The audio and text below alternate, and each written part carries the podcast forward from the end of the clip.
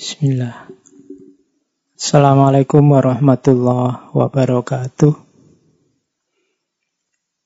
Bismillahirrahmanirrahim. Alhamdulillahirabbil alamin. Wa bihi nasta'inu ala umurid dunya waddin.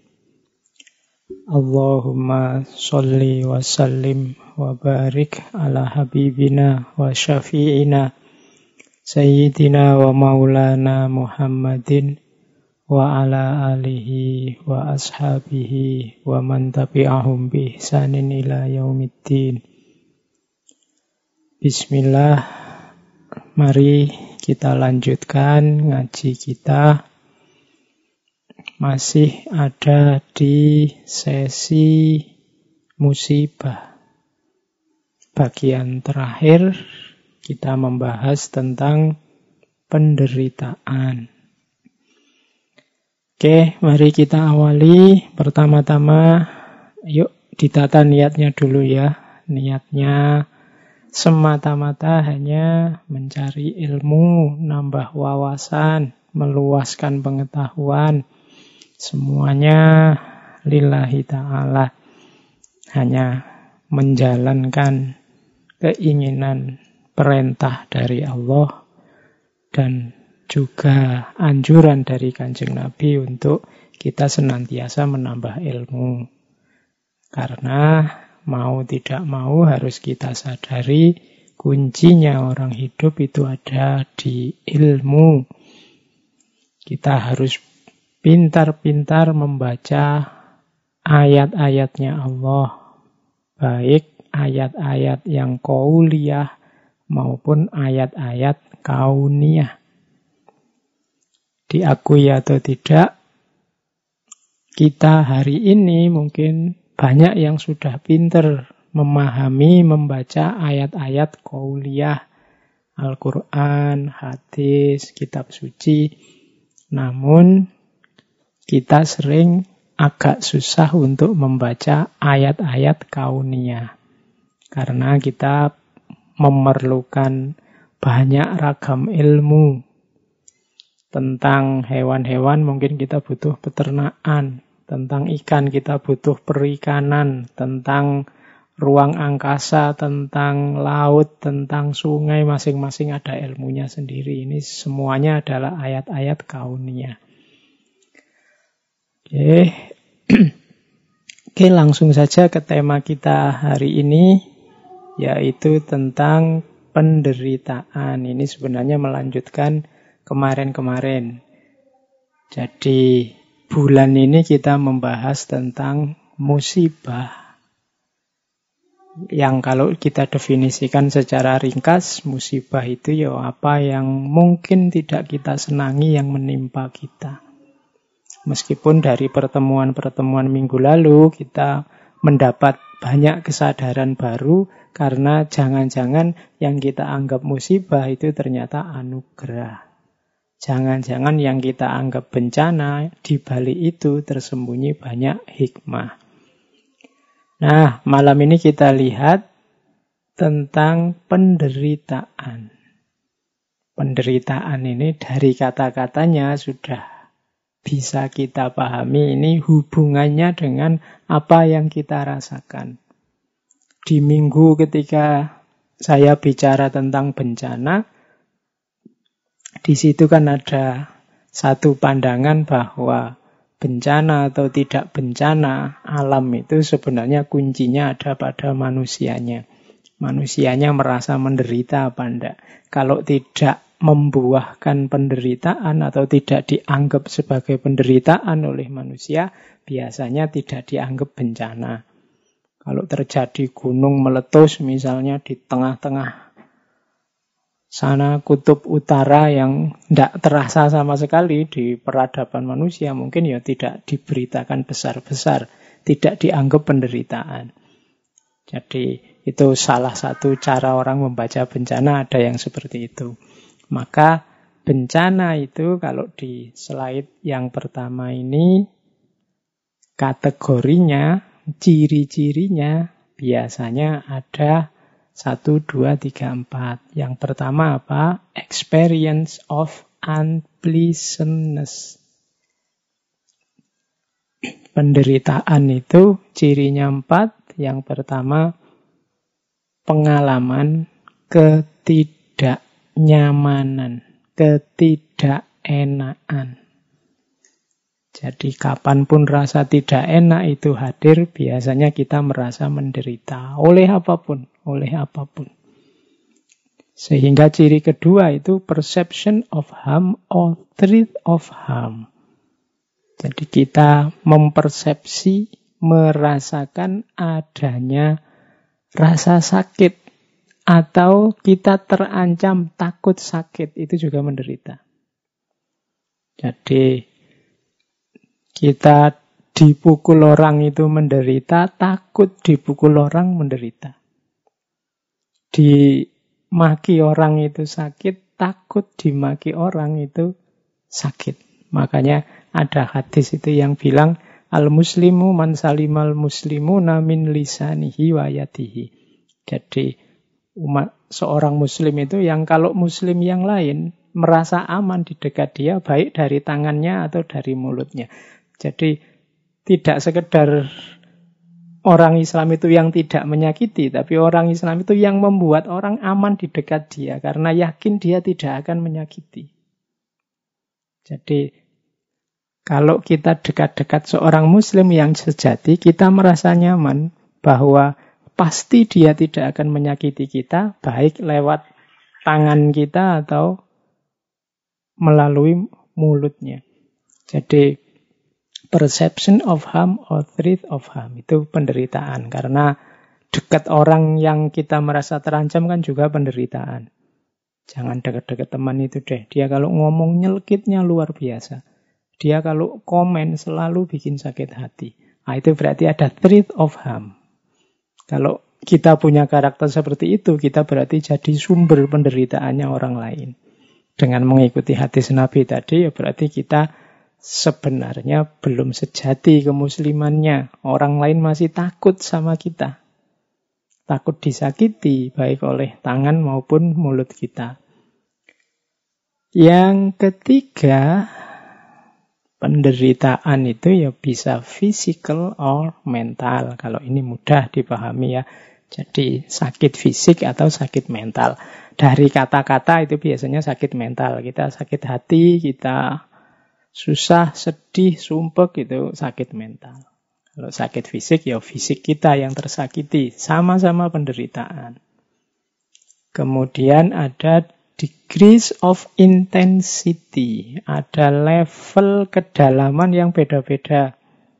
Jadi ada orang itu mungkin cobaan hidupnya berat sekali, tapi dia masih bisa tertawa-tertawa menikmati hidupnya, tapi ada yang cuma dapat ujian kecil saja seolah-olah dunianya runtuh. Ah, itu degrees of intensity. Penderitaan itu dicerna orang, intensitasnya beda-beda. Bagi mahasiswa yang kuliah, yang mungkin sejak semester 1 yo IP-nya pas-pasan, terus nilainya CDE, CDE, begitu dia semester ini dapat E lagi kan, degrees of intensity penderitaannya mungkin sudah rendah sekali. Dia tidak sakit lagi biasa. Sudah kemarin-kemarin nilainya jelek kok Pak. Sekarang dapatnya jelek, ya memang istiqomahnya begitu. Tapi bagi yang sebelumnya nilainya bagus terus, sekali dia dapat nilai jelek, wow itu rasanya dunia kayak kiamat. Sama dapat nilai jelek bagi Si yang satu ini beratnya luar biasa, bagi yang satunya biasa-biasa saja. Maka ini harus kita perhatikan benar saat kita berhubungan, saat kita mengempati orang lain. Kadang-kadang dalam berhubungan dengan orang lain itu kita ngukurnya pakai ukuran kita. Allah kalau cuma ngomong gini aja kan biasa aja. Lu jangan lupa mungkin kalau versi orang yang sedang kita hadapi itu menyakitkannya luar biasa. Meskipun menurutmu, ah ini kan cuma guyon saja, dan seterusnya, yang semacam itu. Jadi itu degrees of intensity. Setiap orang menanggapi apa yang menimpanya secara berbeda-beda. Termasuk penderitaan ini. Eh, tidak selalu ukuran kita cocok dengan ukuran orang lain. Kita merasa ini sudah berat, luar biasa, dan kita menganggap orang lain pasti juga seberat kita. Ya tidak mesti. Bisa jadi orang lain menangkapnya biasa-biasa saja. Oke, jadi itu pemahaman awal kita tentang penderitaan. Hidup ini memang banyak penderitaan, tapi jangan lupa ada orang yang apa kalau bahasanya anak-anak muda hari ini orang-orang yang agak lebay tentang penderitaan hidupnya sehingga mengalami delusi. Kalau ini teori psikologi ini. Jadi di dunia psikologi dikenal ada orang-orang yang mispersepsi tentang penderitaan hidupnya. Ada yang namanya delusi hipokondris, ada namanya delusi nihilistis. Delusi yang pertama ini ciri orang yang mungkin bahasa kita negative thinking. Dia selalu merasa diriku ini selalu menderita. Aku ini kok susah terus. Aku ini kok sakit terus. Tidak ada senengnya hidupku. Itu secara psikologi juga disebut delusi. Delusi itu berarti semacam tertipu dia memahami dirinya, mispersepsi tentang dirinya. Apa iya sih hidup kita ini 100% isinya susah terus, menderita terus, kecewa terus, cemas terus, kanda. Masih banyak hal yang bisa disyukuri. Tapi orang-orang yang kena delusi ini merasa bahwa hidupku selalu menderita. Sejak aku kecil sampai sebesar ini. Tidak pernah sekalipun aku bahagia. Nah, itu jenis delusi. Ada yang lebih dari itu.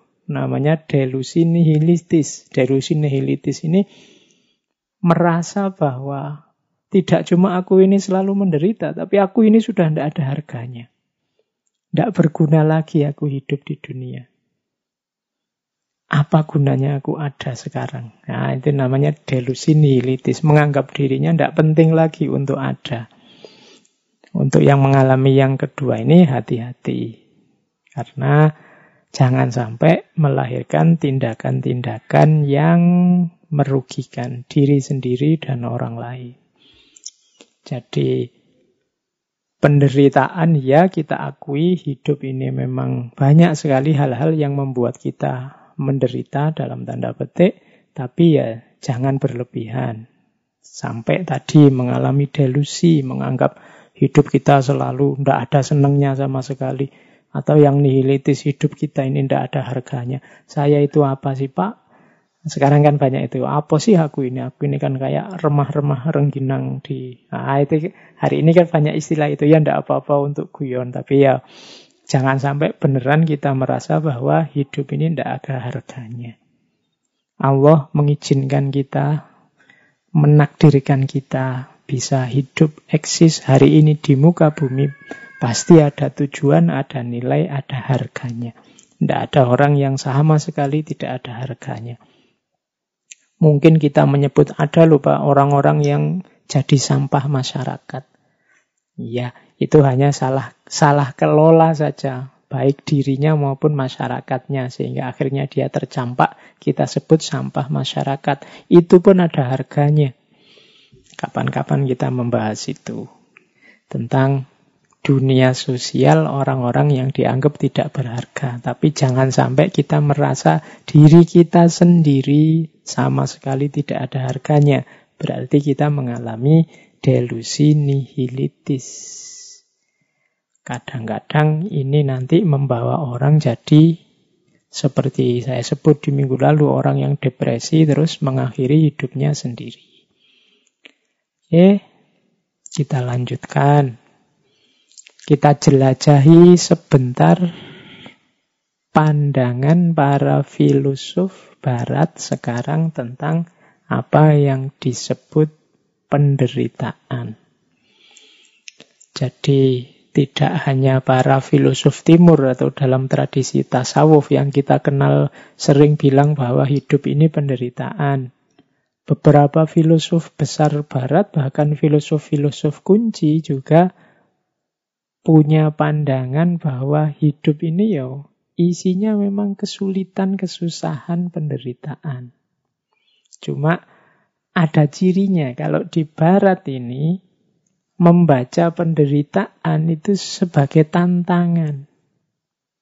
Jadi penderitaan itu sebagai fase yang penting kita sadari untuk kita berkembang lebih baik.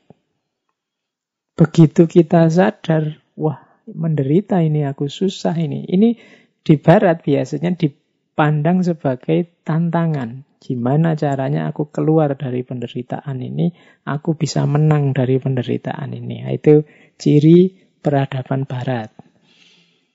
Misalnya ada pandangan dari dulu pernah kita bahas Arthur Schopenhauer. Beliau menulis tentang the world as will and idea, dunia sebagai keinginan dan ide. Katanya Schopenhauer, hidup ini digerakkan oleh keinginan kita. Hari ini kita masih bisa hidup, bergerak, aktif, itu kan karena ada keinginan. Sayangnya, tidak semua keinginan kita bisa terpenuhi. Bahkan bisa dipastikan sebagian besar keinginan kita tidak terpenuhi. Nah, akhirnya apa? Karena keinginan kita tidak semua terpenuhi, kan lahir kekecewaan-kekecewaan, lahir kesedihan-kesedihan, lahir penderitaan. Jadi ternyata manusia itu hakikat hidupnya adalah menginginkan sesuatu, tapi di balik keinginan itu ada kondisi bahwa tidak semua keinginannya terpenuhi. Berarti apa? Ya hidup ini ternyata intinya ya memang sulit, menderita.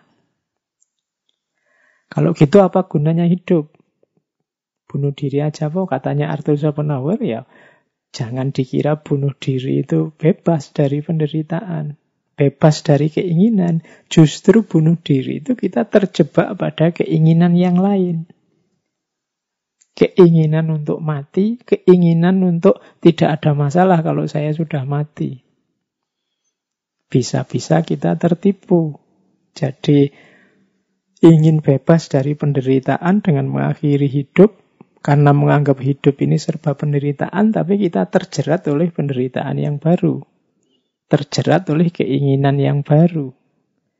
Jalannya katanya Schopenhauer bukan dengan cara mengakhiri hidupnya, tapi apa? Mengontrol keinginannya. Jangan terlalu banyak karep, jangan terlalu mengandai-andai punya keinginan yang aneh-aneh. Nah, itu bisa jadi solusi untuk mengakhiri penderitaan. Jadi katanya Schopenhauer, ya diatur saja keinginannya. Jangan menginginkan yang aneh-aneh yang tidak terjangkau. Sehingga kita tidak banyak kecewa. Nah, itu gayanya Arthur Schopenhauer. Nietzsche. Kemarin kita banyak membahas tentang Nietzsche. Nietzsche punya quote yang sangat terkenal. To life is to suffer. To survive is to find some meaning in the suffering. Hidup berarti menderita. Untuk survive berarti memberi makna terhadap penderitaan. Jadi katanya Nietzsche, tidak bisa hidup itu memang isinya penderitaan. Caranya biar tidak menderita, biar selamat dari penderitaan apa? Kalau di Nietzsche ya Find some meaning in the suffering. Temukan makna dalam penderitaan. Di pertemuan dua minggu yang lalu kan kita menyebut secara fenomenologis setiap orang menempelkan makna. Jadi tempelkan judul, tempelkan makna agar penderitaan ini tidak berbunyi penderitaan. Di sesi kemarin saya contohkan ketika ada teman kita diputus pacarnya, jangan dikasih judul diputus pacarnya ini sebagai dia sedang disakiti atau dicampakkan oleh pacarnya. Kasih saja judul dia diselamatkan dari pacarnya yang tidak beres itu. Oh itu meaning namanya. Alhamdulillah dia pisah sekarang daripada kalau pisah nanti besok setelah menikah. Ah, itu namanya give some meaning. Mahasiswa yang tidak lulus-lulus, jangan dikasih judul tidak lulus-lulus, nanti stres. Beri saja judul mahasiswa yang harus lebih banyak belajar lagi.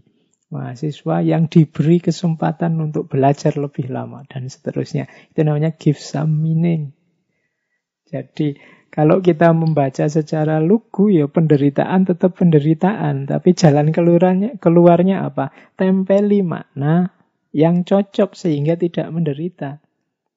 Kalau ada orang membentak kita, misalnya kita melakukan apa yang menurut kita benar, menurut dia salah, jangan dibaca itu sebagai bentaan kemarahan, tapi baca saja itu sebagai peringatan kepedulian, simbol kasih sayang. Wah, kita tidak jadi sakit hati.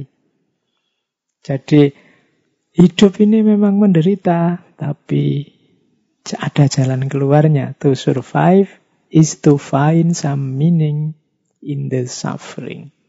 Beri makna saja yang cocok sesuai keinginanmu, yang membuatmu bahagia. Nah, saya lanjutkan. Kalau di Nietzsche ada istilah jasagen. Jasagen ini salah satu istilah yang terkenal dari Sartre yang artinya mengiyakan hidup.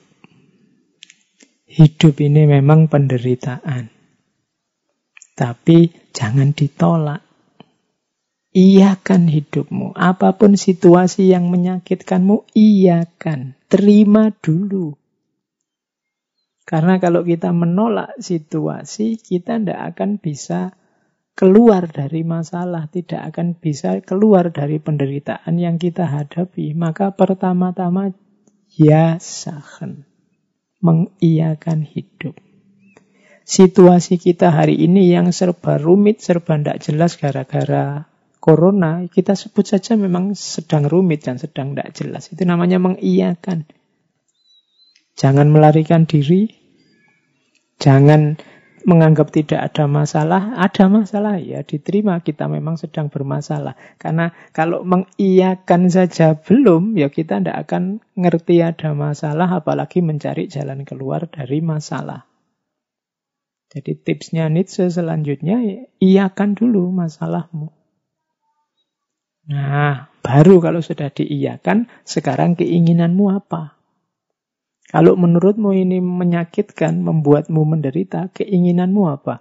Di situlah nanti Nietzsche punya will to power konsepnya. Jadi, oke okay, kalau keinginanmu itu wujudkan. Kalau keinginanmu itu, ya lakukan. Jangan diam saja, jangan malas, jangan lemah. Jangan jadi orang yang ingin dikasihani. Perjuangkan, wujudkan will to powermu. Keinginan, kalau makna letternya keinginan untuk menang, keinginan untuk berkuasa. Jadi ada masalah, kita menderita, iya kan? Oke, iya. Saya memang ada masalah, saya memang menderita, saya memang sulit. Iya, tapi saya ingin keluar dari penderitaan ini, saya ingin melakukan ini, saya ingin membuahkan itu, saya ingin menghasilkan ini, wujudkan itu. Jangan jadi orang lemah, jangan jadi orang yang ingin dikasihani. Itulah nanti will to power. Jadi kalau ini agak beda sama Schopenhauer tadi. Kalau Schopenhauer ada masalah karena kita banyak keinginan, ya sudah. Kalau ingin tidak banyak masalah, dibatasi saja keinginannya. Kalau Nietzsche tidak. Ada masalah, iakan saja. Kemudian keinginanmu apa, wujudkan untuk mengatasi masalah itu. Nah, jadi kalau Nietzsche malah perjuangkan, wujudkan. Kalau di Schopenhauer kontrol dan batasi. Bedanya itu. Ada lagi belum lama kita membahas Albert Camus tentang penderitaan. Kalau di kamu kemarin kan penderitaan itu, kenapa hidup ini menderita? Karena hidup ini absurd. Apa yang dimaksud absurd dalam hidup ini? Hidup ini isinya penuh kontradiksi-kontradiksi, ketidakjelasan-ketidakjelasan. Kita seperti Sisyphus.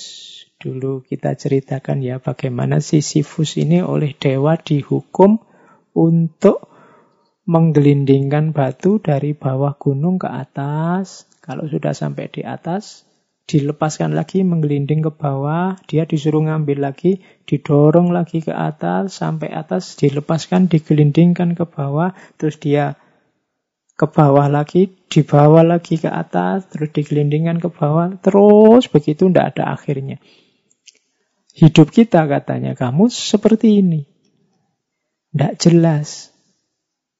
Jadi apa di mana awal, di mana akhir, apa target, apa tujuan, apa yang kita lakukan. Ini sering tidak sinkron.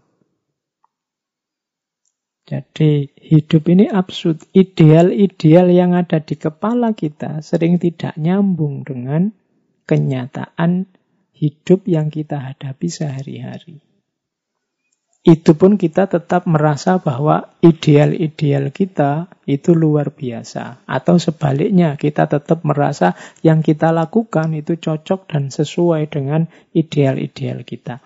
Itu namanya absurd. Tapi katanya, kamu, iya sih hidup ini memang begitu. Semua orang juga begitu. Tidak ada hidup yang tidak absurd. Jalan satu-satunya apa? Ya nikmati saja hidup yang absurd ini.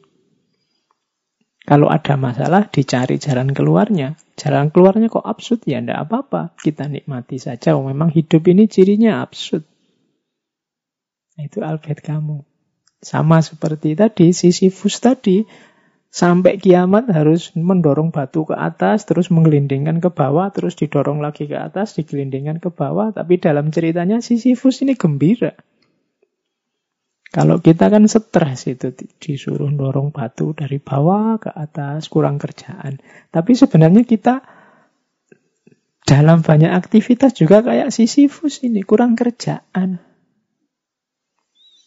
Jadi banyak hal-hal tidak penting, banyak hal-hal sepele terus jadi sepele besar luar biasa. Kadang-kadang yang penting, urgent jadi sepele. Betapa absurdnya hidup kita. Nah itu Katanya kamu ya ndak apa-apa, ya hidup memang begitu, absurd, nikmati saja. Dan hadapi. Kalau kamu ingin berjuang, ya berjuang saja. Dan nikmati perjuangan itu meskipun seabsurd apa pun usaha dan hasilnya. Nah, dari tiga tokoh ini mungkin bisa tergambar. Jadi seperti apa gaya para filosof barat menghadapi hidup yang cirinya penderitaan. Jadi barat terasa lebih optimis. Penderitaan diposisikan sebagai tantangan yang harus ditaklukkan. Itu perspektif barat. Kita lanjutkan.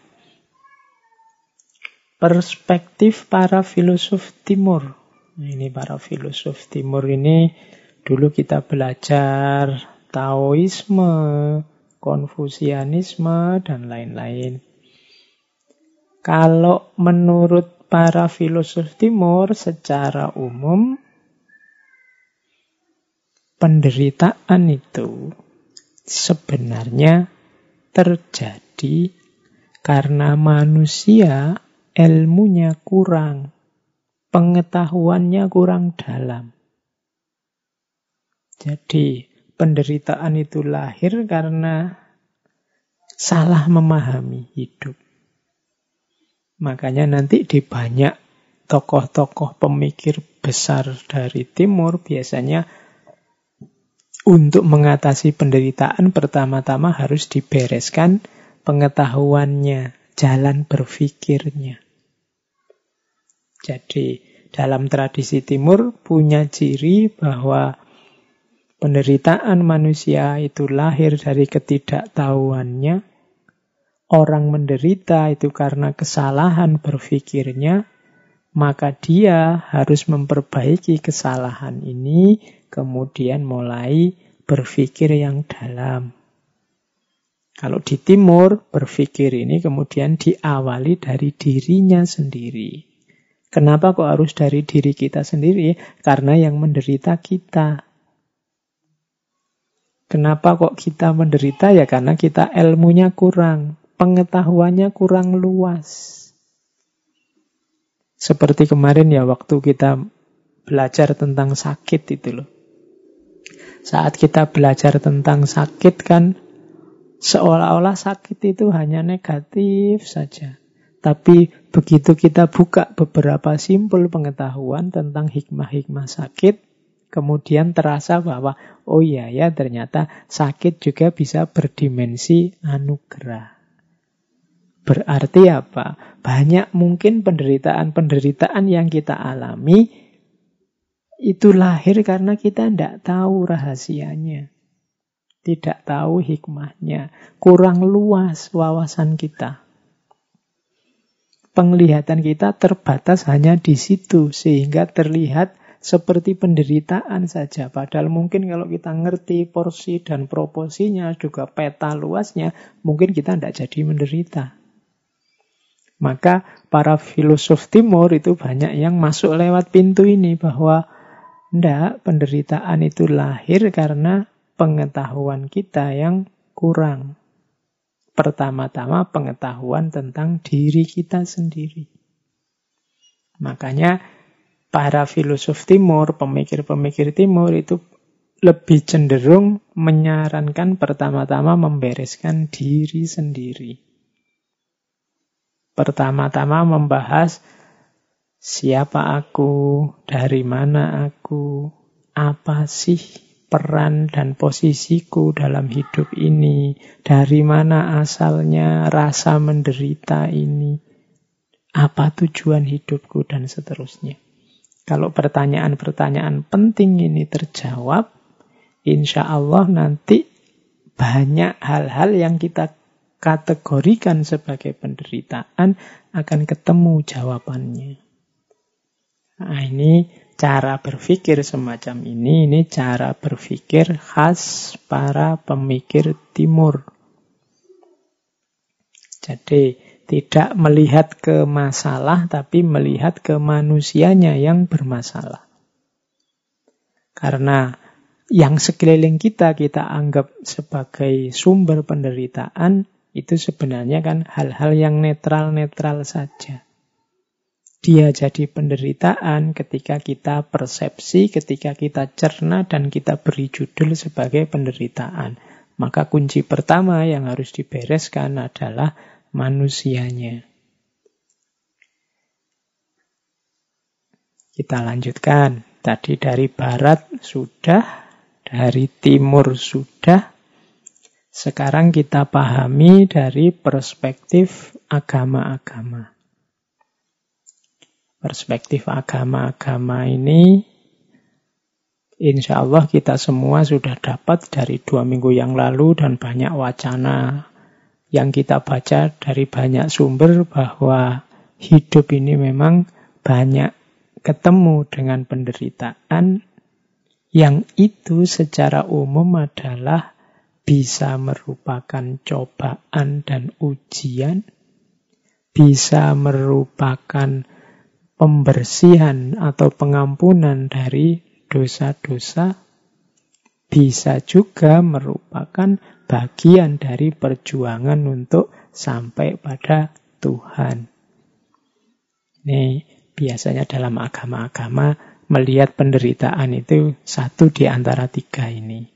Ada kalanya penderitaan itu merupakan ujian, cobaan, ya yang namanya ujian kan berarti pada akhirnya kita akan dapat reward kalau lulus. Orang yang punya perspektif ini melihat apa pun, mengalami apa pun akan dipandang sebagai ujian yang harus dia selesaikan, dia carikan solusi yang tepat sehingga akhirnya dia dapat pahala, dia dapat balasan, dia dapat kebahagiaan dari Tuhan. Itu gaya pertama. Gaya kedua, penderitaan harus kita alami untuk membersihkan diri kita dari dosa-dosa, dari kesalahan. Nanti banyak dalil yang menyatakan bahwa kalau kita diberi sakit, kalau kita mendapat musibah, maka dosa-dosa kita akan diampuni. Atau yang ketiga, penderitaan adalah jalan yang harus ditempuh supaya orang bisa sampai pada Tuhan. Untuk menuju Tuhan itu kan banyak usaha, banyak upaya, banyak hal yang harus kita korbankan. Entah kecil, entah besar, entah kita anggap berat atau kita anggap biasa atau kita anggap ringan. Tapi kan di situ ada perjuangan, ada pengorbanan. Ketika ada pengorbanan, ya pasti ada sedikit atau banyak rasa menderita. Kita disuruh zakat, itu kan tidak enak. Menderita kita, sebagian harta kita dikasihkan ke orang lain, padahal kemarin mencarinya capek. Kita menyebutnya pengorbanan. Tapi itu kan kita jalani demi bisa sampai pada Tuhan. Disuruh haji, berapa sekarang biayanya haji? Sholat lima waktu. Itu kan pengorbanan mungkin di tenaga, pengorbanan mungkin di waktu, meskipun sebentar. Kan tidak ada orang yang sholatnya lama hari ini. Mesti ini kan ya sebentar-sebentar. Tapi kan kadang sebentar itu kan rasanya beratnya luar biasa. Semacam penderitaan, pengorbanan yang hebat. Tapi kita jalani saja kenapa biar bisa sampai pada Tuhan. Nah, ini perspektif tentang penderitaan. Saya miskin tidak apa-apa asal Allah ridho. Nah, itu perspektif tentang penderitaan. Biar kita diridhoi oleh Allah. Nah, jadi agama-agama secara umum punya ciri tiga ini ketika membahas penderitaan. Yang paling terkenal di antara agama-agama yang menonjol sekali konsepnya tentang penderitaan kan Buddhisme. Dulu kita pernah membahas tentang Buddhisme ya. Dalam Buddhisme penderitaan ini kan hakikat hidup. Jadi hidup ini hakikatnya menderita. Ini selaras dengan pengalamannya Siddhartha Gautama. Kalau dalam Buddhisme, penderitaan ini dikenal sebagai duka. Kata-kata ini diserap dalam bahasa Indonesia nanti jadi kata-kata yang artinya juga penderitaan, yaitu duka. Biasanya ada kalimat selanjutnya duka derita. Karena memang artinya duka itu penderitaan.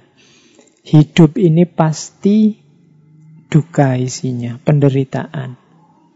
Penderitaan itu bisa penderitaan yang biasa, duka-duka, misalnya sakit fisik, nah itu duka. Sariawan, sakit gigi, sakit perut, nah itu duka, penderitaan biasa. Ada penderitaan karena perubahan. Kalau dalam Buddhisme istilahnya viparinama duka. Misalnya menderita karena putus cinta, menderita karena terpaksa harus hidup dengan orang yang kita benci, menderita karena ditinggal orang yang kita sayangi dan seterusnya. Ini kan kan terjadi perubahan. Itu sakit. Jadi karena apa? Karena situasi baru itu kan menyakitkan. Kemarin bersama berdua, sekarang sendiri itu kan menyakitkan. Kemarin tidak punya teman sekacau ini, sekarang punya teman sekacau ini. Akhirnya tiap hari makan hati. Ya, itu kan karena perubahan itu juga duka. Kemarin tinggal di sana, hawanya panas sekali, orangnya marah-marah terus. Sudah terbiasa terhanyut ikutan marah-marah. Sekarang ganti situasi, isinya bukan orang marah-marah lagi, tapi orang pendiam semua. Wah, itu kan menderita. Jadi penderitaan karena perubahan. Intinya tidak tercapainya keinginan.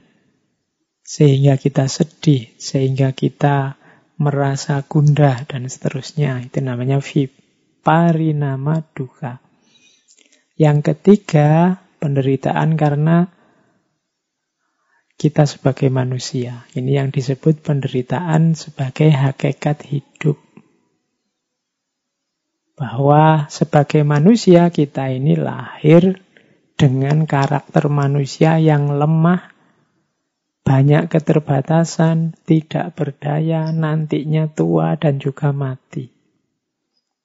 Ini kalau cerita tentang keterbatasan manusia, kalau man manusia berhubungan dengan Buddhisme, ini saya ingat dulu saya zaman kuliah suka sekali membaca cerita-cerita dari tradisi cerita-cerita Cina yang banyak serialnya itu. Yang saya ingat ada serial yang judulnya Golok Pembunuh Naga. Itu tokohnya Sang Wuji. Saya masih ingat itu Tio Buki. Dia ini ketua aliran namanya aliran Ming. Ini hubungannya sama penderitaan. Jadi aliran Ming ini kalau pakai istilah Tiongkok namanya Ming Jiao. Ming Jiao itu agama cahaya. Ini aliran ini untuk orang-orang Tionghoa yang menganut agama. Dulu agama ini disebut sesuai nama pendirinya yaitu Mani dari Persia. Sehingga agama ini dikenal dengan nama Manikaisme. Meskipun ketika masuk Tiongkok nanti terpengaruh oleh Buddhisme dan Zoroastrianisme, Zoroaster dan Buddhisme. Nah, yang saya ingat dari novel ini, ini cerita Golok Pembunuh Naga ini yang ngarang namanya Jin Yung. Ada satu syair yang bagus dari aliran agama cahaya Ming Jiao ini yang saya ingat sampai sekarang yang kalimatnya begini kurang lebih maksudnya. Hidup apa senangnya, mati apa susahnya. Kasihan manusia di dunia selalu hidup menderita. Itu kalimat ini menurut saya menarik. Ini ada bau Buddhismenya. Jadi apa sih kesenangan hidup ini sampai kita mati-matian berusaha untuk meraihnya, hidup apa senangnya. Mati apa susahnya?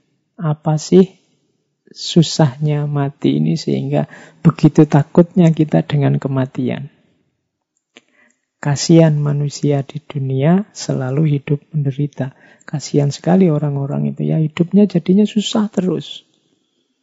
Tidak ada senengnya.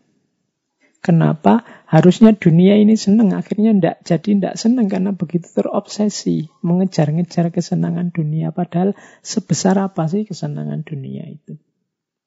Kita juga begitu takut, begitu parno dengan kematian. Padahal apa iya sih kematian itu begitu negatifnya, begitu menyusahkannya.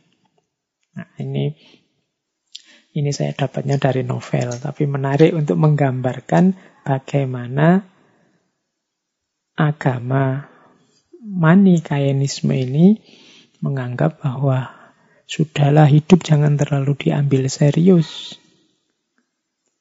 Hidup itu menyenangkan tapi juga tidak sebegitunya. Mati itu menyedihkan tapi juga tidak sebegitunya. Yang susah kalau orang terlalu memberati hidup, terlalu takut dengan kematian, akhirnya selalu hidup menderita. Nah, jadi kembali ke Buddhisme tadi, salah satu agama yang menganggap hakikat hidup intinya adalah duka atau penderitaan adalah Buddhisme. Sebabnya apa? Penderitaan itu ada dua. Tanha sama avijja. Jadi tanha itu nafsu, kalau avijja itu kebodohan, kegelapan batin. Kebodohan berarti tadi ya, kurangnya pengetahuan. Kemudian kalau tanha itu nafsu, keinginan yang tidak terkendali. hasrat yang tidak terkendali. Jadi ternyata hidup kita ini menderita ketika hasrat kita tidak bisa kita kontrol dan pengetahuan kita terbatas. Berarti solusinya bisa menyatukan tadi antara timur dan barat. Kalau Schopenhauer tadi inginnya kita mengontrol nafsu, mengontrol hasrat. Dan banyak pikiran timur menganggap bahwa kuncinya di pengetahuan. Ternyata ya memang dua-duanya. Bagaimana kita bisa mengontrol nafsu, mengontrol diri kalau kita tidak punya pengetahuan tentang diri kita sendiri. Berarti memang dua-duanya penting. Oke. Ah, beda lagi dengan perspektifnya Hinduisme. Kalau Hinduisme melihat penderitaan itu sebagai buahnya perbuatan kita sendiri. Dulu kita juga sudah membahas tentang Hinduisme. Tentang ini bisa dilihat di bagian tentang karma. Jadi Hinduisme punya konsep karma pala. Karma pala itu karma berarti perbuatan, pala berarti buah. Perbuatan apa pun akan ada buahnya. Kalau baik, buahnya pasti baik. Kalau buruk, buahnya pasti buruk. Fama ya'mal mithqala dzarratin khairan yarah wa ya'mal mithqala Ada kausalitas, ada sebab akibat dari perbuatan kita. Maka ayo hati-hati benar, sekecil apa pun kesalahan, sekecil apa pun kekeliruan, kita akan memanen hasilnya. Demikian juga sekecil apa pun kebaikan kita juga akan mendapatkan balasannya. Nah, ini kalau dalam Hinduisme disebut konsep karma pala. Karma pala itu konsep bahwa setiap perbuatan akan membuahkan hasil. Yang itu nanti di sana terbagi tiga. Ada namanya sancita karma pala, ada namanya prarabdha karma pala, ada namanya kriyamana karma pala. Jadi ada balasan yang diterima sekarang dari kehidupan sebelumnya. Ini kalau dalam Hinduisme karena ada konsep reinkarnasi. Ada juga prarabdha karma pala yang ini balasan yang diterima saat ini dari kehidupan saat ini. Jadi ada yang kelakuan kita bulan lalu, hasilnya kita nikmati sekarang. Ini jenis kedua ini. Males-malesan kita awal semester kemarin, hasilnya akhir semester kita nilainya jatuh. Itu kelakuan kita hari ini, kita nikmati saat ini juga. Ada juga yang kelakuan kita hari ini buahnya besok. Ini namanya kriyamana. Ini maksudnya mewanti-wanti kita, hati-hati. Pak, saya sudah melakukan buruk-buruk yang jelek-jelek ndak ada tuh Pak. Balasannya mana? Karmanya mana? Saya enjoy-enjoy aja tuh jangan lupa. Yang akan datang akan kamu nikmati pasti akan kamu nikmati. Ya seandainya tidak besok-besok pasti di kehidupan yang akan datang. Nah, itu konsep kriya mana karma pala jadi yang kita lakukan sekarang hasilnya yang akan datang. Ini kalau ini konsep Hinduisme. Jadi penderitaan itu ya kelakuan kita sendiri. Penderitaan itu hasil apa yang kita jalankan sendiri. Karena kita menjalankan yang buruk-buruk, yang jelek-jelek, ya kita panennya yang buruk-buruk dan yang jelek-jelek. Konsep ini namanya karma pala. Kalau dalam Hinduisme, eh dalam Buddhisme ada duka, kalau Hinduisme ada karma pala. Oke. Ada lagi saya bawa konsepnya Taoisme. Taoisme punya konsep yang khas juga tentang penderitaan. Tahu melihat itu saya bawa beberapa ayat dari kitab sucinya Taoisme jadi Lausu menyatakan Yang pertama, kekayaan dan kemuliaan apabila di, dijadikan kebanggaan akan mendatangkan penderitaan. Jadi, kekayaan itu hasil kerja kita, kemuliaan itu posisi kita di tengah masyarakat karena perilaku kita, kekayaan sifatnya materi, kemuliaan sifatnya non-materi. Cuma ini kalau kita jadikan dasar identitas kita yang kita banggakan, akhirnya hanya akan melahirkan penderitaan. Kita akan susah karena itu. Jadi jangan terikat, jangan melekat dengan kekayaan dan kemuliaan. Kita akan kecewa. Kekayaan, apalagi lebih mudah habis, lama-lama dia habis. Kalau kebanggaan kita dasarnya kekayaan, pada saatnya kita akan sangat kecewa ketika kekayaan itu habis atau kekayaan itu mendorong kita ke dalam hal-hal yang tidak kita inginkan. Kemuliaan juga begitu. Kemuliaan itu sangat tipis bahkan. Kemuliaan itu kan posisi kita di tengah masyarakat. Dan masyarakat itu bisa mudah sekali mencabut kemuliaan yang kita sandang dalam persepsi mereka. Ada orang yang begitu alimnya puluhan tahun tapi melakukan sedikit kesalahan, satu saja kesalahan kemudian hancurlah kemuliaan, hancurnya nama baik itu. Kalau dia hanya menggantungkan pada kekayaan dan kemuliaan, maka penderitaan yang dia rasakan akan luar biasa. Itu maksudnya tahu. Maka katanya tahu, seorang bijaksana setelah melakukan pahala bagi dunia lalu mengundurkan diri. Inilah justru yang sesuai dengan jalan tahu. Jadi Menurut Taoisme, sudahlah ayo lakukan kebaikan. Ayo melakukan hal-hal yang bermanfaat di dunia ini. Setelah itu tidak usah menuntut apa-apa, tidak usah membanggakan apa-apa. Inilah jalan tahu dan inilah yang aman. Kalau kita tidak menginginkan apa-apa, ya tidak akan dikecewakan oleh apa-apa. Bagaikan alam yang menciptakan segala benda dan isinya, tetapi tidak menganggap sebagai miliknya. Jadi belajarlah dari alam. Alam itu memberikan banyak untuk kita. Berkontribusi memberi manfaat besar untuk hidup kita.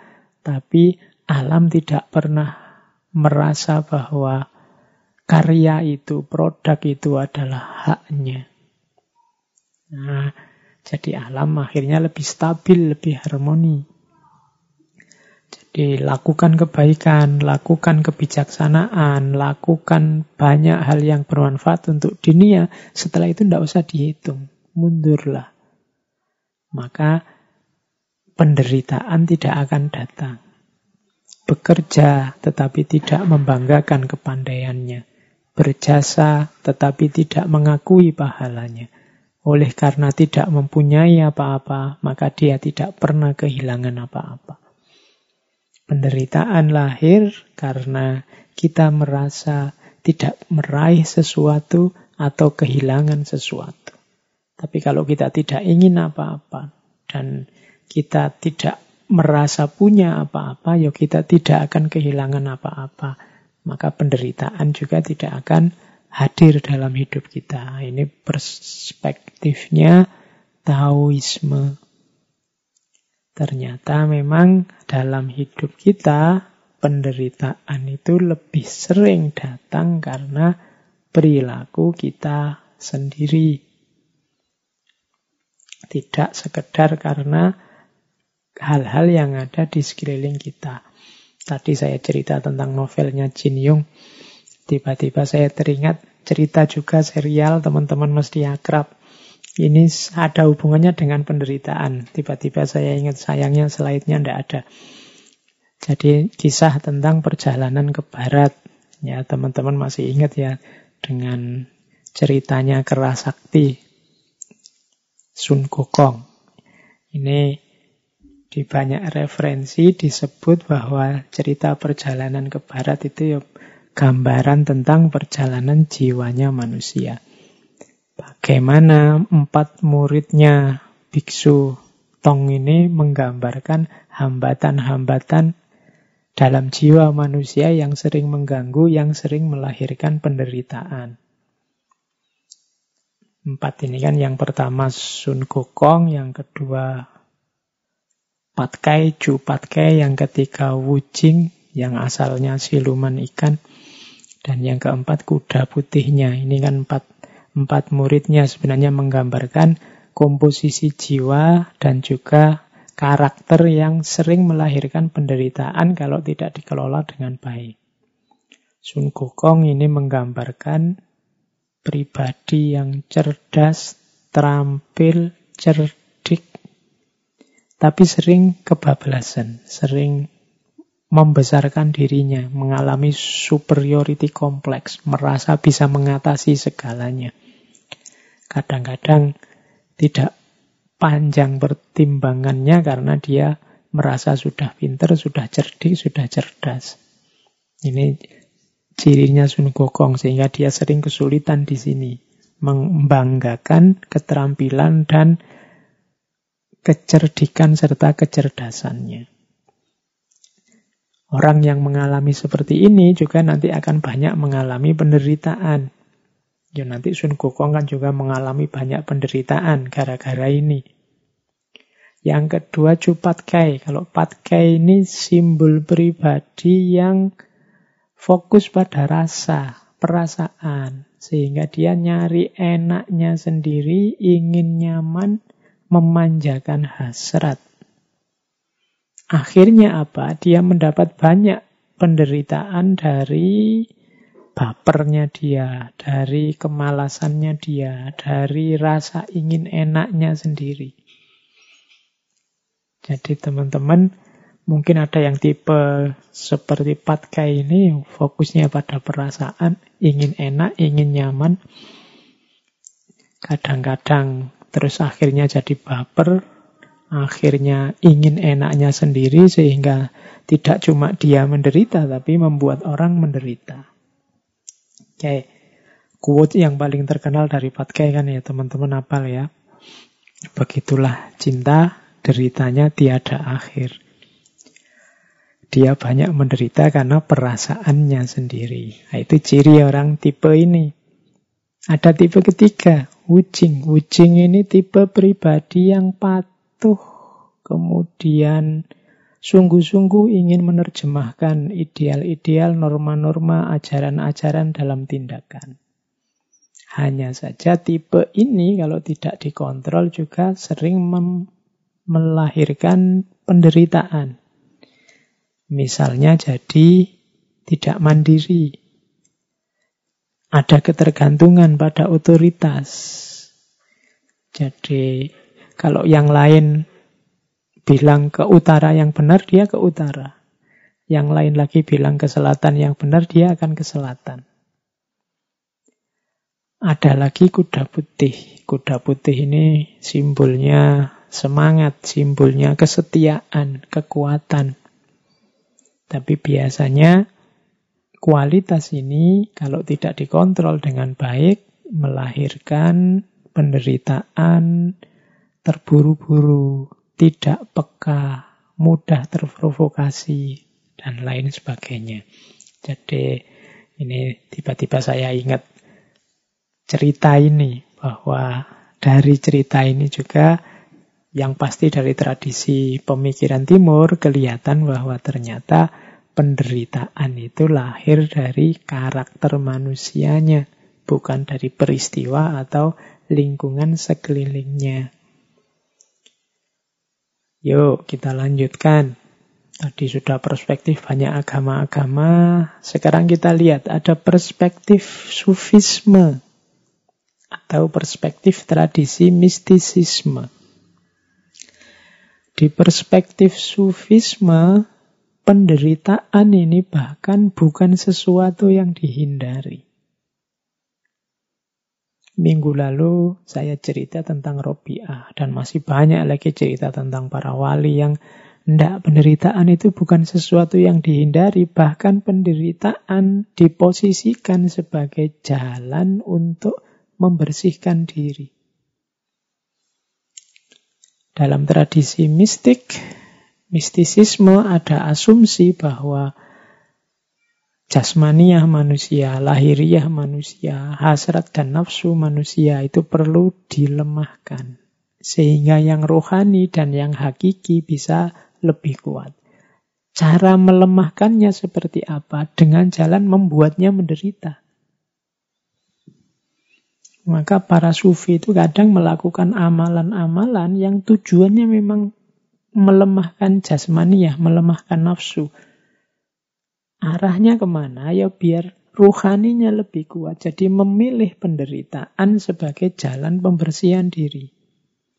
Nah ini perspektif sufisme.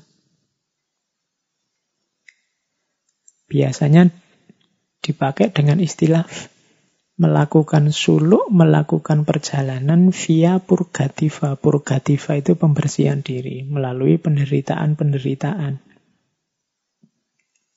Hidup yang justru milih menderita. Ini kan sering ya, meskipun tidak ekstrim, kita misalnya puasa, milih puasa Senin Kemis, milih sholat malam. Ini kan milih yang tidak enak. Kan waktunya orang istirahat tidur kita malah bangun sholat. Waktunya orang boleh makan kita milih tidak makan. Ini kan contoh milih jalan penderitaan. Tujuannya apa? Untuk pembersihan diri. Modenya ya mode riyadhah, mode mujahada, tazkiyatun nafas. Jalan untuk membersihkan diri. Jadi Kadang-kadang sufi itu lebih milih jalan yang tidak enak. Bukan karena tidak pinter, tidak tahu mana yang lebih enak, mana yang tidak enak. Tapi sangat tahu. Tapi beliau milih itu untuk melemahkan jasmaninya, melemahkan hasrat nafsunya, sehingga rohaninya jadi kuat. Ini perspektif sufisme. Hampir di semua tokoh sufi yang kita bahas, terasa bahwa hampir semua sufi lebih memilih jalan hidup penderitaan. Menderita secara fisik tidak masalah, asal ruhaninya cemerlang. Menderita di dunia tidak masalah, asal akhiratnya bahagia. Menderita sekarang tidak masalah, asal besok bahagia. Nah, logika ini yang dipakai. Kalau di Jawa ada istilah tirakat. Mungkin ada serapan dari bahasa Arab, tirakat dari kata-kata taroka, meninggalkan. Jadi meninggalkan itu orang yang pantang melakukan sesuatu atau pantang memakan sesuatu atau dan seterusnya. Tujuannya apa? Untuk tadi menguatkan rohani. Ini perspektif sufisme. Kemudian ada lagi perspektif tentang penderitaan. Dulu pernah kita bahas dari Ki Ageng Suryo Mentaram. Kalau tadi ada pandangan penderitaan itu sebagai hakikat hidup, ada pandangan penderitaan itu sebagai akibat perbuatan. Ada yang menjadikan penderitaan sebagai jalan untuk membersihkan diri. Kalau menurut Ki Ageng Surya Mentaram, penderitaan itu sebagai keniscayaan hidup. Tapi sifatnya sementara, silih berganti dengan kesenangan. Hidup ini yo kadang senang, ya kadang susah. Wajarnya hidup seperti itu. Tidak mungkin kita hidup ini senang terus dan tidak mungkin juga susah terus. Kenapa begitu? Kalau kita sedang senang, katanya Ki Ageng Surya Mentaram, kita kan tidak berhenti di kesenangan ini. Biasanya keinginan kita terus bertambah. Kalau bahasanya Ki Ageng, pakai istilah mulur. Kemarin cita-citanya A, sekarang A sudah tercapai kan kita tidak diam di situ, nambah lagi bercita-cita B. Akhirnya kita susah lagi karena keinginan kita yang baru ini. Nanti kalau keinginan B tadi terpenuhi, ya kita senang, senang lagi. Tapi kalau keinginan B tidak terpenuhi, kita kembali susah. Tapi tidak masalah. Kalau B tidak terpenuhi, biasanya keinginan yang tadi mulur terus mungkret. Mungkret itu menyusut. Menyusut itu jadinya terus begini. Anda ah, apa-apalah, dapat A saja sudah cukup kok. Kita syukuri saja yang A tadi. Itu namanya mungkret. Orang hidup itu selalu begini. Gitu loh. Jadi antara mulur sama mungkret. Keinginan itu selalu silih berganti. Kalau terpenuhi senang, tidak terpenuhi terus susah. Setelah susah, keinginannya berkurang. Setelah berkurang, akhirnya dia senang lagi. Tapi terus menginginkan yang lain lagi. Nambah lagi keinginan, susah lagi. Hidup ini silih berganti seperti itu. Kadang senang, kadang susah. Kadang mulur, kadang mungkret. Kadang mengembang, kadang menyusut. Itulah hakikat hidup.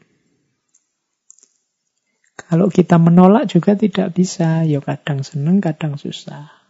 Ada senangnya, ada susahnya. Yang tadinya kita anggap penderitaan karena keinginannya tidak terpenuhi. Tapi begitu tidak terpenuhi kan kita terus mungkret, menyusut keinginannya. Akhirnya kita senang lagi. Misalnya, kita menuju gimana caranya biar cepat lulus kuliah. Begitu lulus kan seneng, keinginannya tercapai. Tapi setelah seneng wisuda kan ada keinginan tambahan lagi. Misalnya ingin dapat pekerjaan. Ini dapat kerjaan kok susah ya. Sudahlah disyukuri dulu yang lulusnya ini tadi sebelum menginginkan yang lain. Setelah bersyukur kan bahagia. Setelah itu kan tetap nambah lagi keinginannya. Jadi penderitaan itu keniscayaan hidup, tapi jangan khawatir hidup ya ndak menderita terus. Ada senangnya, ada susahnya. Keinginan itu ya tidak terpenuhi semua, tapi bukan berarti juga terpenuhi semua. Jadi keinginan bisa terpenuhi, bisa tidak terpenuhi. Kalau tidak terpenuhi ya susah, kalau terpenuhi ya seneng.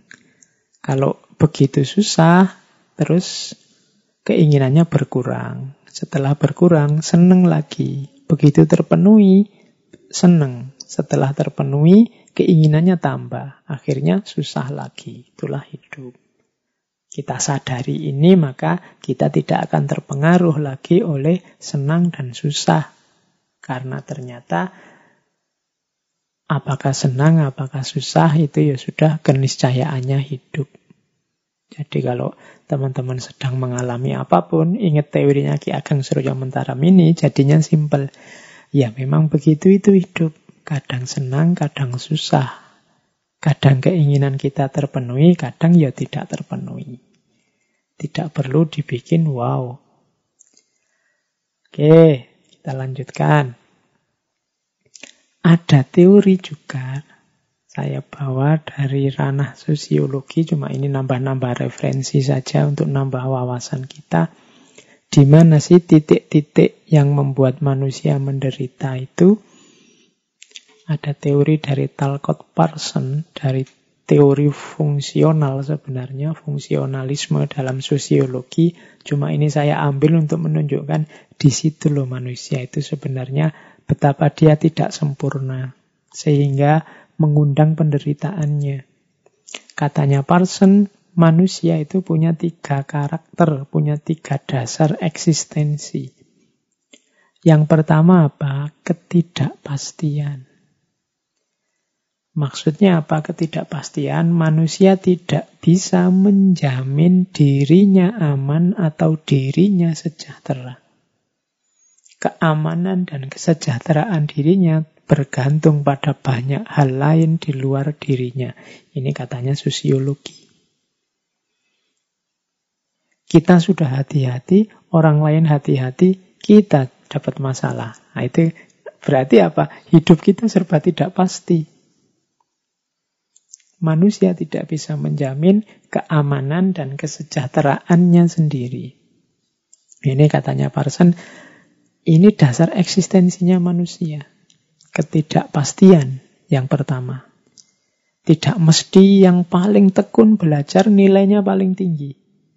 Tidak pasti yang paling ganteng nanti dapatnya juga yang paling cantik.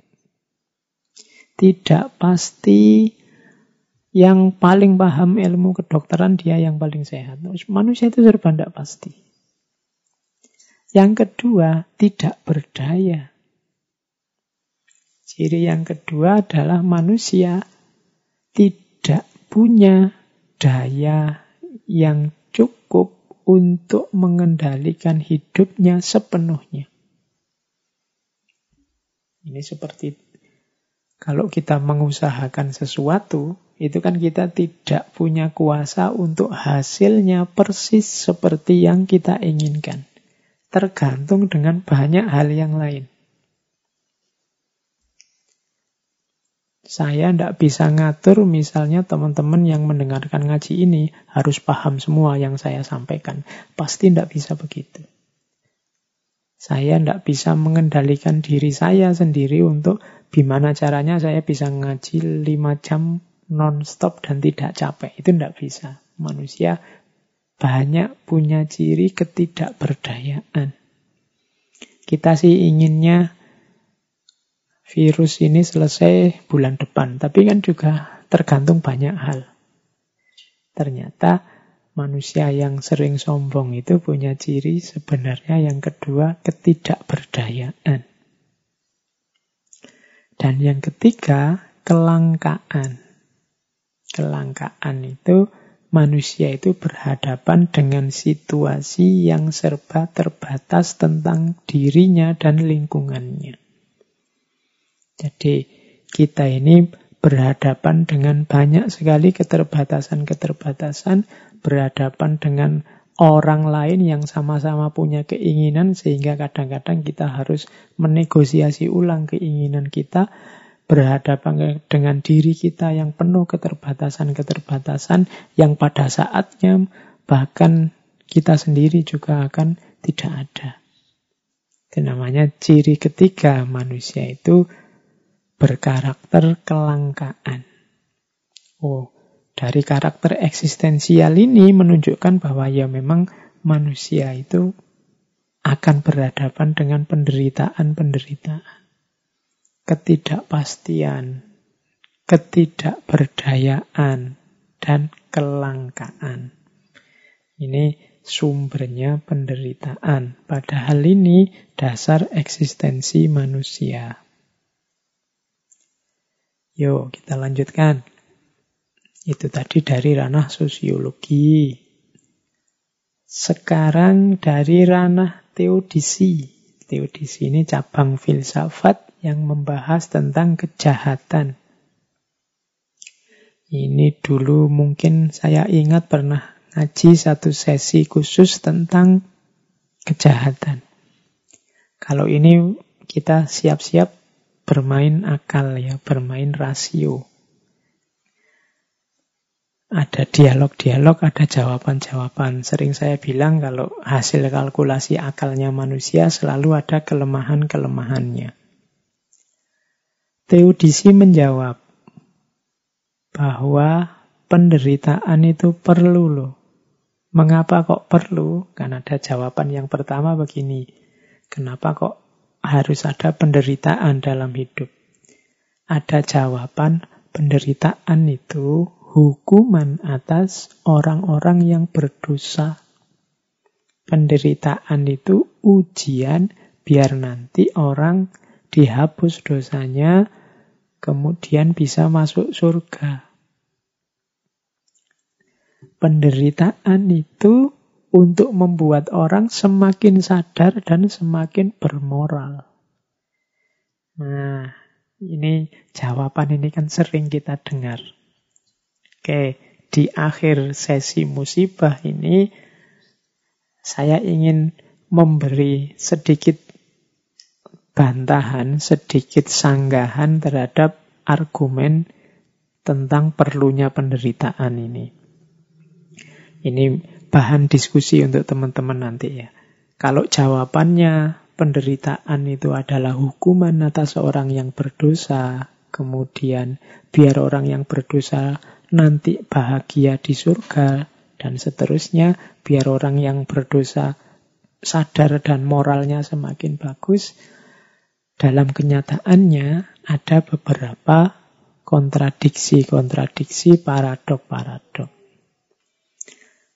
Misalnya begini untuk membantah, apakah musibah itu hukuman? Kalau itu hukuman, bagaimana dengan anak-anak kecil yang tidak mengerti apa-apa. Misalnya dulu kita bilang, waktu ada tsunami, wah harusnya kita ini segera tobat.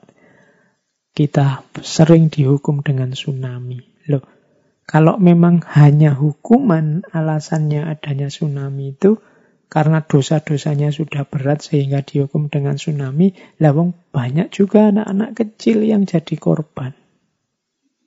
Banyak orang baik-baik, rohaniwan, agamawan, ulama yang jadi korban juga. Berarti tidak bisa dong disebut itu sepenuhnya adalah hukuman. Nah, itu tentang bahwa bencana itu hukuman. Ini bahan diskusi. Yang kedua, nanti yang dapat bencana di dunia akan mendapatkan balasannya di surga. Ini bahan diskusi ya, saya tidak bilang bantahan ini pasti benar. Ada yang bantah begini, lo kenapa kok harus ada bencana? Bencana itu biar kita nanti susah di dunia, senang di surga. Lo apa Allah? Allah itu kan maha baik. Masa Allah mau memberi kita surga aja syaratnya begitu beratnya. Nah itu ada yang membantah begitu. Kalau Tuhan mencintai kita, mengapa sih kita harus disiksa dulu sebelum kita masuk surga? Nah ini kritik terhadap yang menjawab tadi bahwa hukuman dengan bencana itu nantinya akan mendapat balasan di surga. Silahkan nanti teman-teman ya jadi materi diskusi. Terus yang ketiga tadi juga bilang, loh ini biar moralnya orang jadi baik no. Dengan bencana kan nanti orang jadi sadar. Dalam kenyataannya ada loh yang gara-gara bencana orang tidak jadi sadar. Tapi malah putus asa merasa hidupnya hancur. Jangan-jangan juga malah ada yang murtad. Gara-gara ada bencana. Nah, ini juga bahan. Saya bilang tadi, apa pun itu kalau masih pemikirannya manusia pasti ada celah-celah yang bisa didiskusikan. Karena manusia cirinya tidak sempurna. Terus, itu jawaban Pertama, kalau ada yang bilang penderitaan musibah itu perlu sebagai hukuman atau balasan nanti di surga atau demi orang naik level semakin baik secara moral. Yang kedua, kalau ada yang bilang begini, musibah itu harus dilihat secara luas, jangan dilihat parsial. Coba kita cek. Jumlah orang yang mengalami musibah pasti lebih sedikit daripada orang yang tidak mengalami musibah. Berarti kebahagiaan lebih banyak daripada penderitaan. Secara umum alam ini sebenarnya tertib. Nah, oke. Okay. Nah ini jawaban ini juga bisa dibantah. Kalau ada orang ngomong seperti itu, dengan jawaban bahwa melihatnya ya harus lebih luas, logika ini bisa dijawab berarti harus ada orang yang dijatah menderita demi ketertiban semuanya.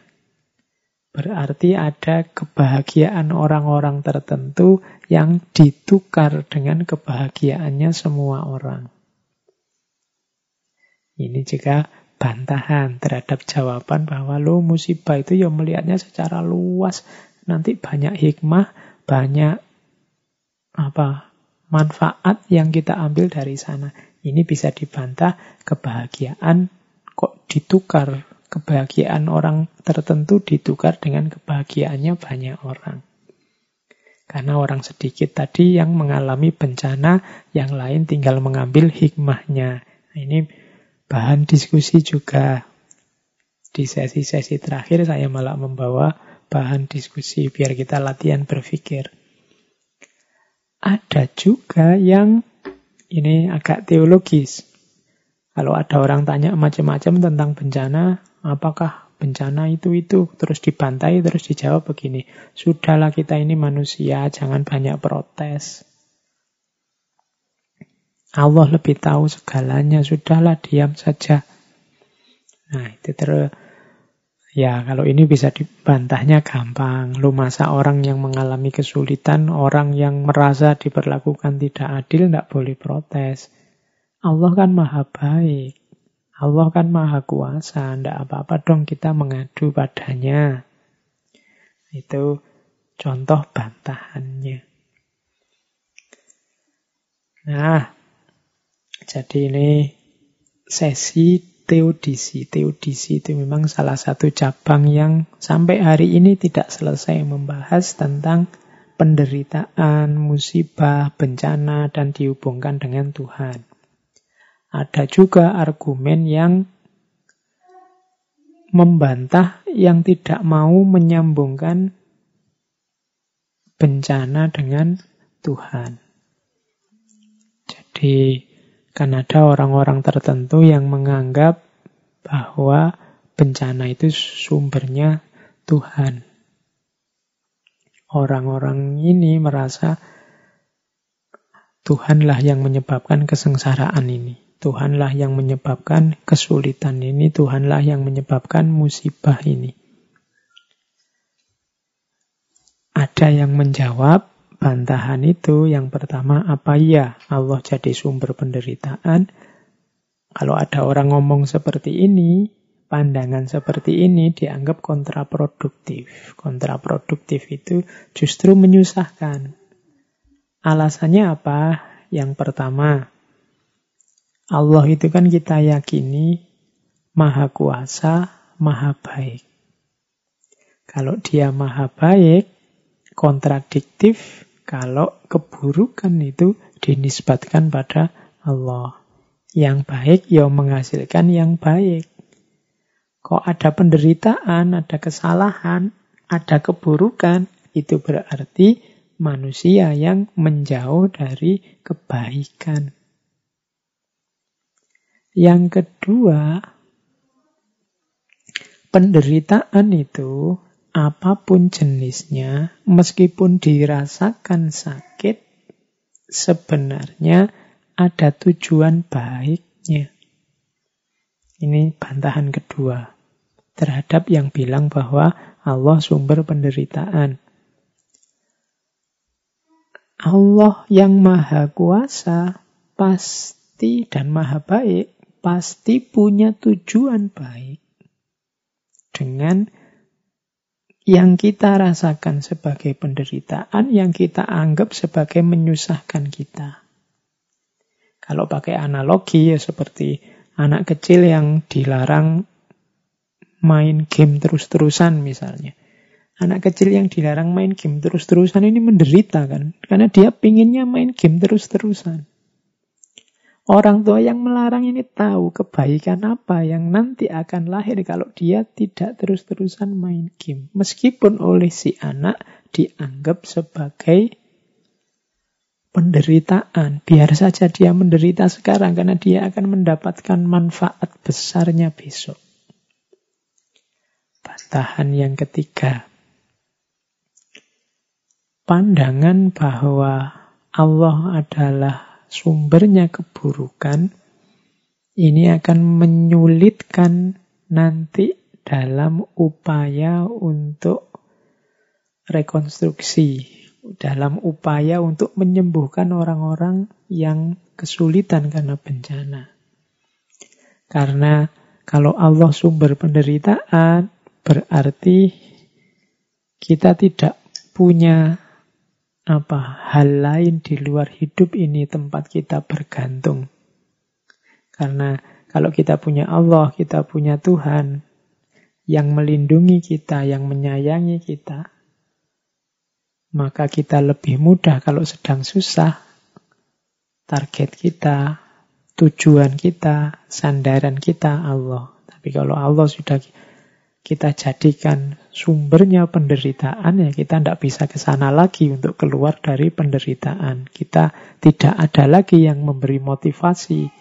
Kita tidak punya motivasi, tidak punya target sandaran untuk mengurangi penderitaan yang kita rasakan. Lah ini sumbernya dari Allah. Apa bisa aku minta keringanan? Apa bisa biar ini tidak jadi menderita? Wong ini sudah keinginannya Allah. Nah, jadi ini argumen ketiga ini ingin bilang bahwa Allah jangan disebut sebagai sumber penderitaan. Karena kalau kita sedang menderita, pelarian kita yang terakhir itu Allah, Tuhan. Kalau dia diposisikan sebagai sumbernya penderitaan, nanti kita tidak bisa lagi lari ke Allah saat menderita. Oke, itu dialog-dialog filsafat tentang penderitaan. Ya monggo nanti untuk bahan diskusi saya bilang tadi, pikiran-pikiran filsafat itu ya produk berpikirnya manusia yang pasti tidak ada yang sempurna. Selalu ada titik-titik lemahnya tempat kita untuk mengkritisi. Saya lanjutkan dengan, oke, okay, ini agak menarik. Tadi tiba-tiba saya dapat referensi dari Mahatma Gandhi sebenarnya. Ada, katanya Mahatma Gandhi, ada tujuh dosa, ada tujuh kesalahan kita yang tujuh ini nanti akan jadi sumber penderitaan kita dalam hidup. Ini tujuh dosa ini saya bawa karena agak populer. Mungkin manifestasinya ada dalam kehidupan kita sehari-hari kali ini. Yang pertama apa? Penderitaan kita hari ini banyak muncul dari antara lain nomor satu politik tanpa prinsip. Ini katanya Gandhi ya, politik tanpa prinsip. Politik itu tata masyarakat, bagaimana cara mengatur kehidupan bersama. Kalau dia tanpa prinsip, kalau dia hanya berdasarkan kepentingan-kepentingan sesaat, keinginan-keinginan sementara, tidak ada prinsip-prinsip, yang terjadi ya kekacauan. Kalau itu kekacauan, pasti melahirkan penderitaan. Jadi dosa pertama yang menjadi sumber penderitaan adalah politik yang tanpa prinsip. Yang kedua, sumber penderitaan adalah bisnis tanpa moralitas.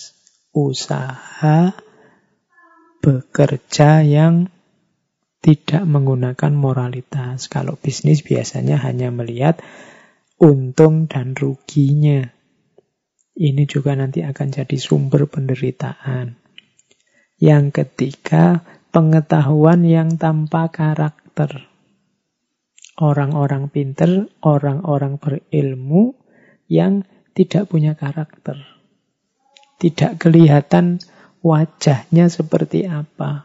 Sehingga ilmu, pengetahuan hanya dipakai untuk menjustifikasi kepentingan-kepentingan keinginannya sendiri.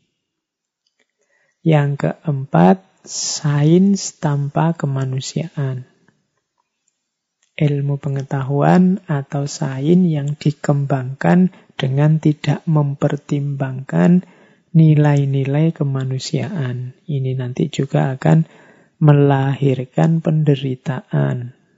Beberapa kritik terhadap sains modern kan sudah menunjukkan itu. Misalnya sains yang hanya melahirkan manusia-manusia yang kayak robot, sains yang hanya melahirkan destruksi terhadap peradaban, sains yang melahirkan bom nuklir yang menghancurkan, sains yang menghasilkan, dan lain sebagainya.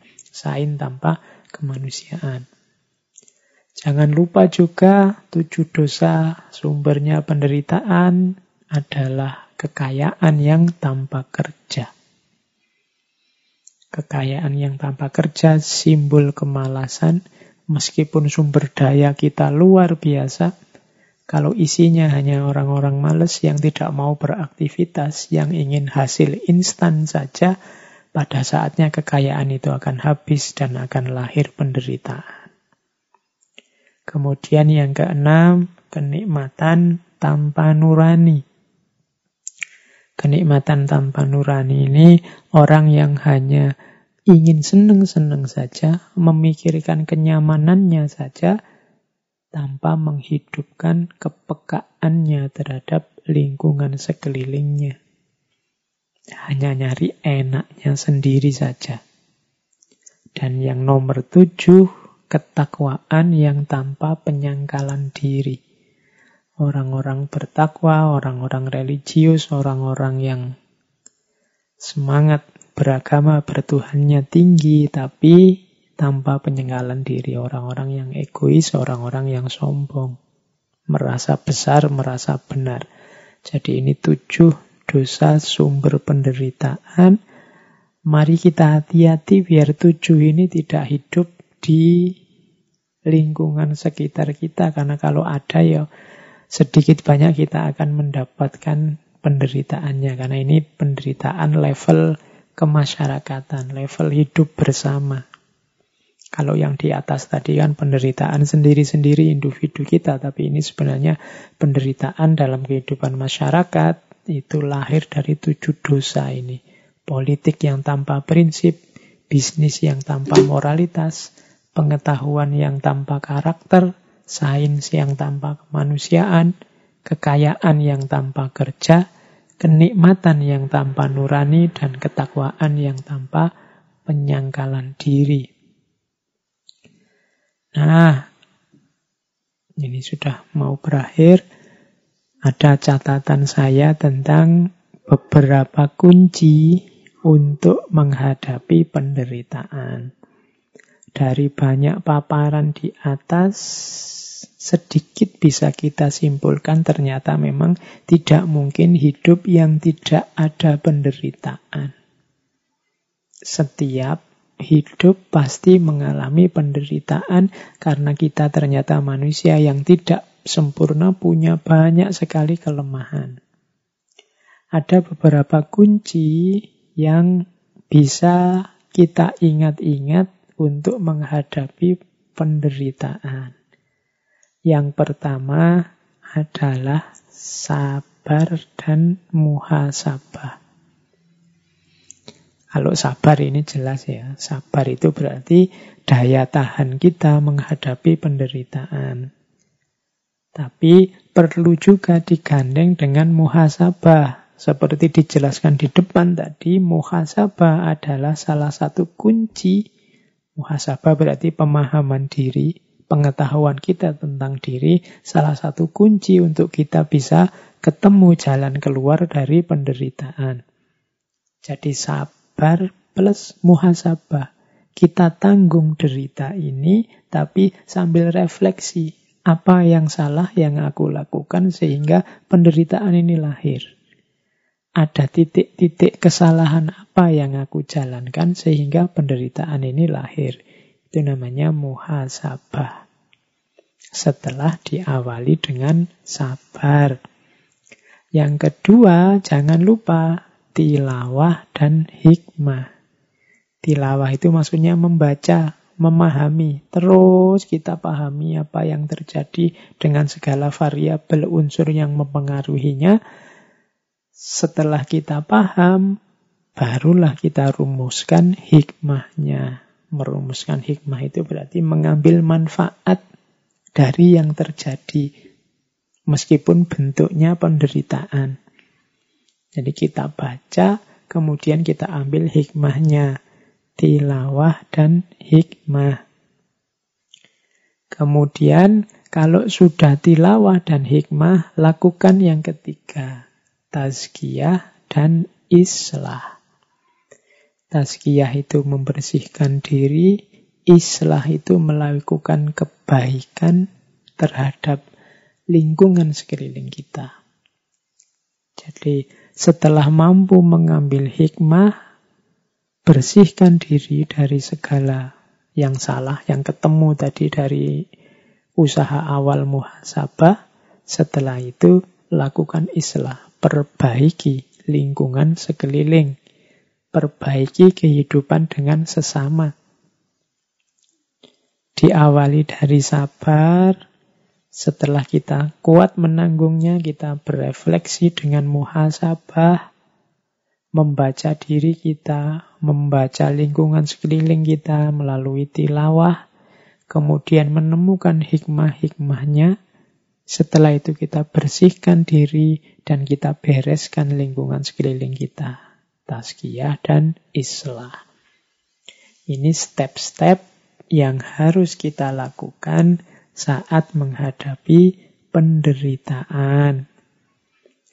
Dan pastinya kunci dari kita untuk bisa keluar dari penderitaan hidup sebagai seorang yang beragama, ya pastinya kita harus kembali lagi ke Allah.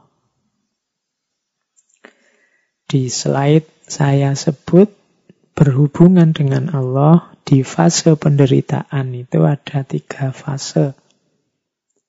Yang pertama fase confirming, yang kedua fase responsif, dan yang ketiga fase ekstatik.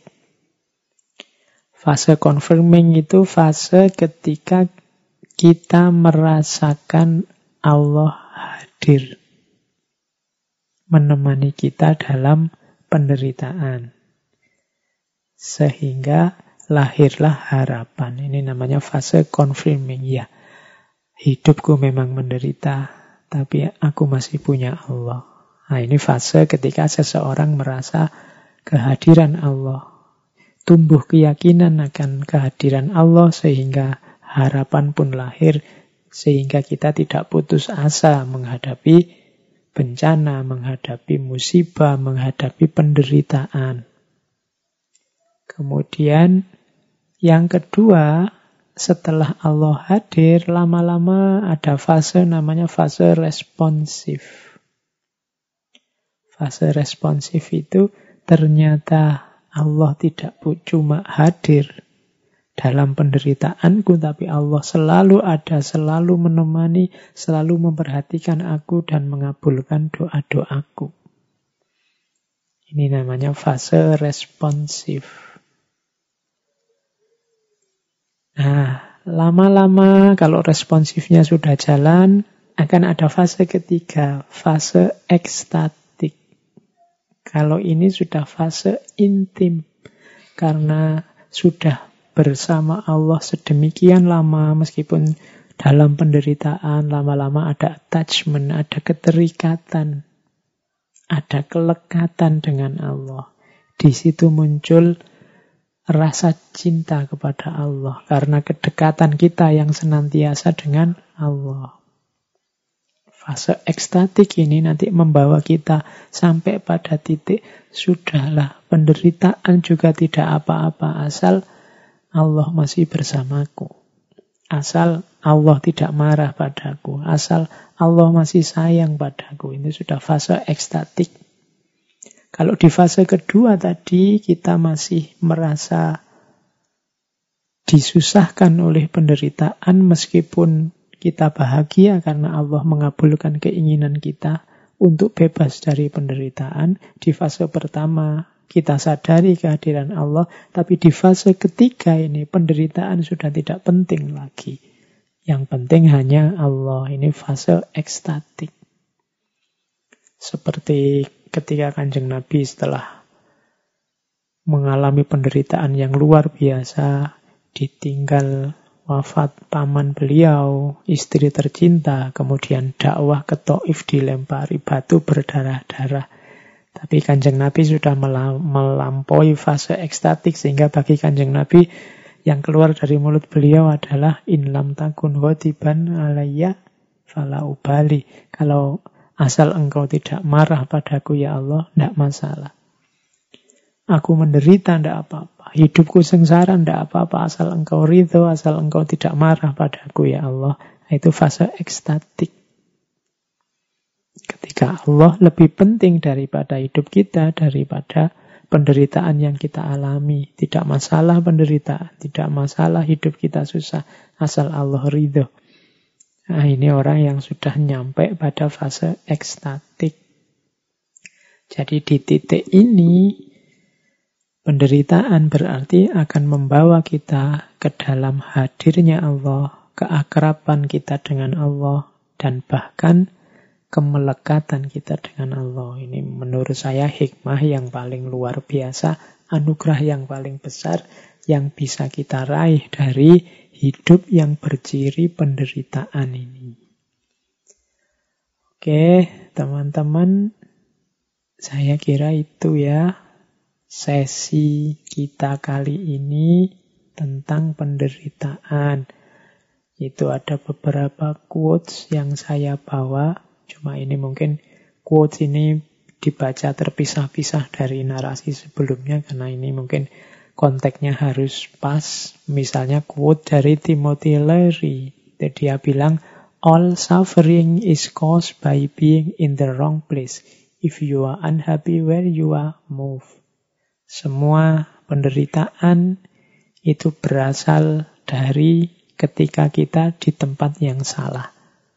Maka saat engkau tidak bahagia di tempatmu, ya bergeraklah, move, move on lah. Nah itu maksudnya.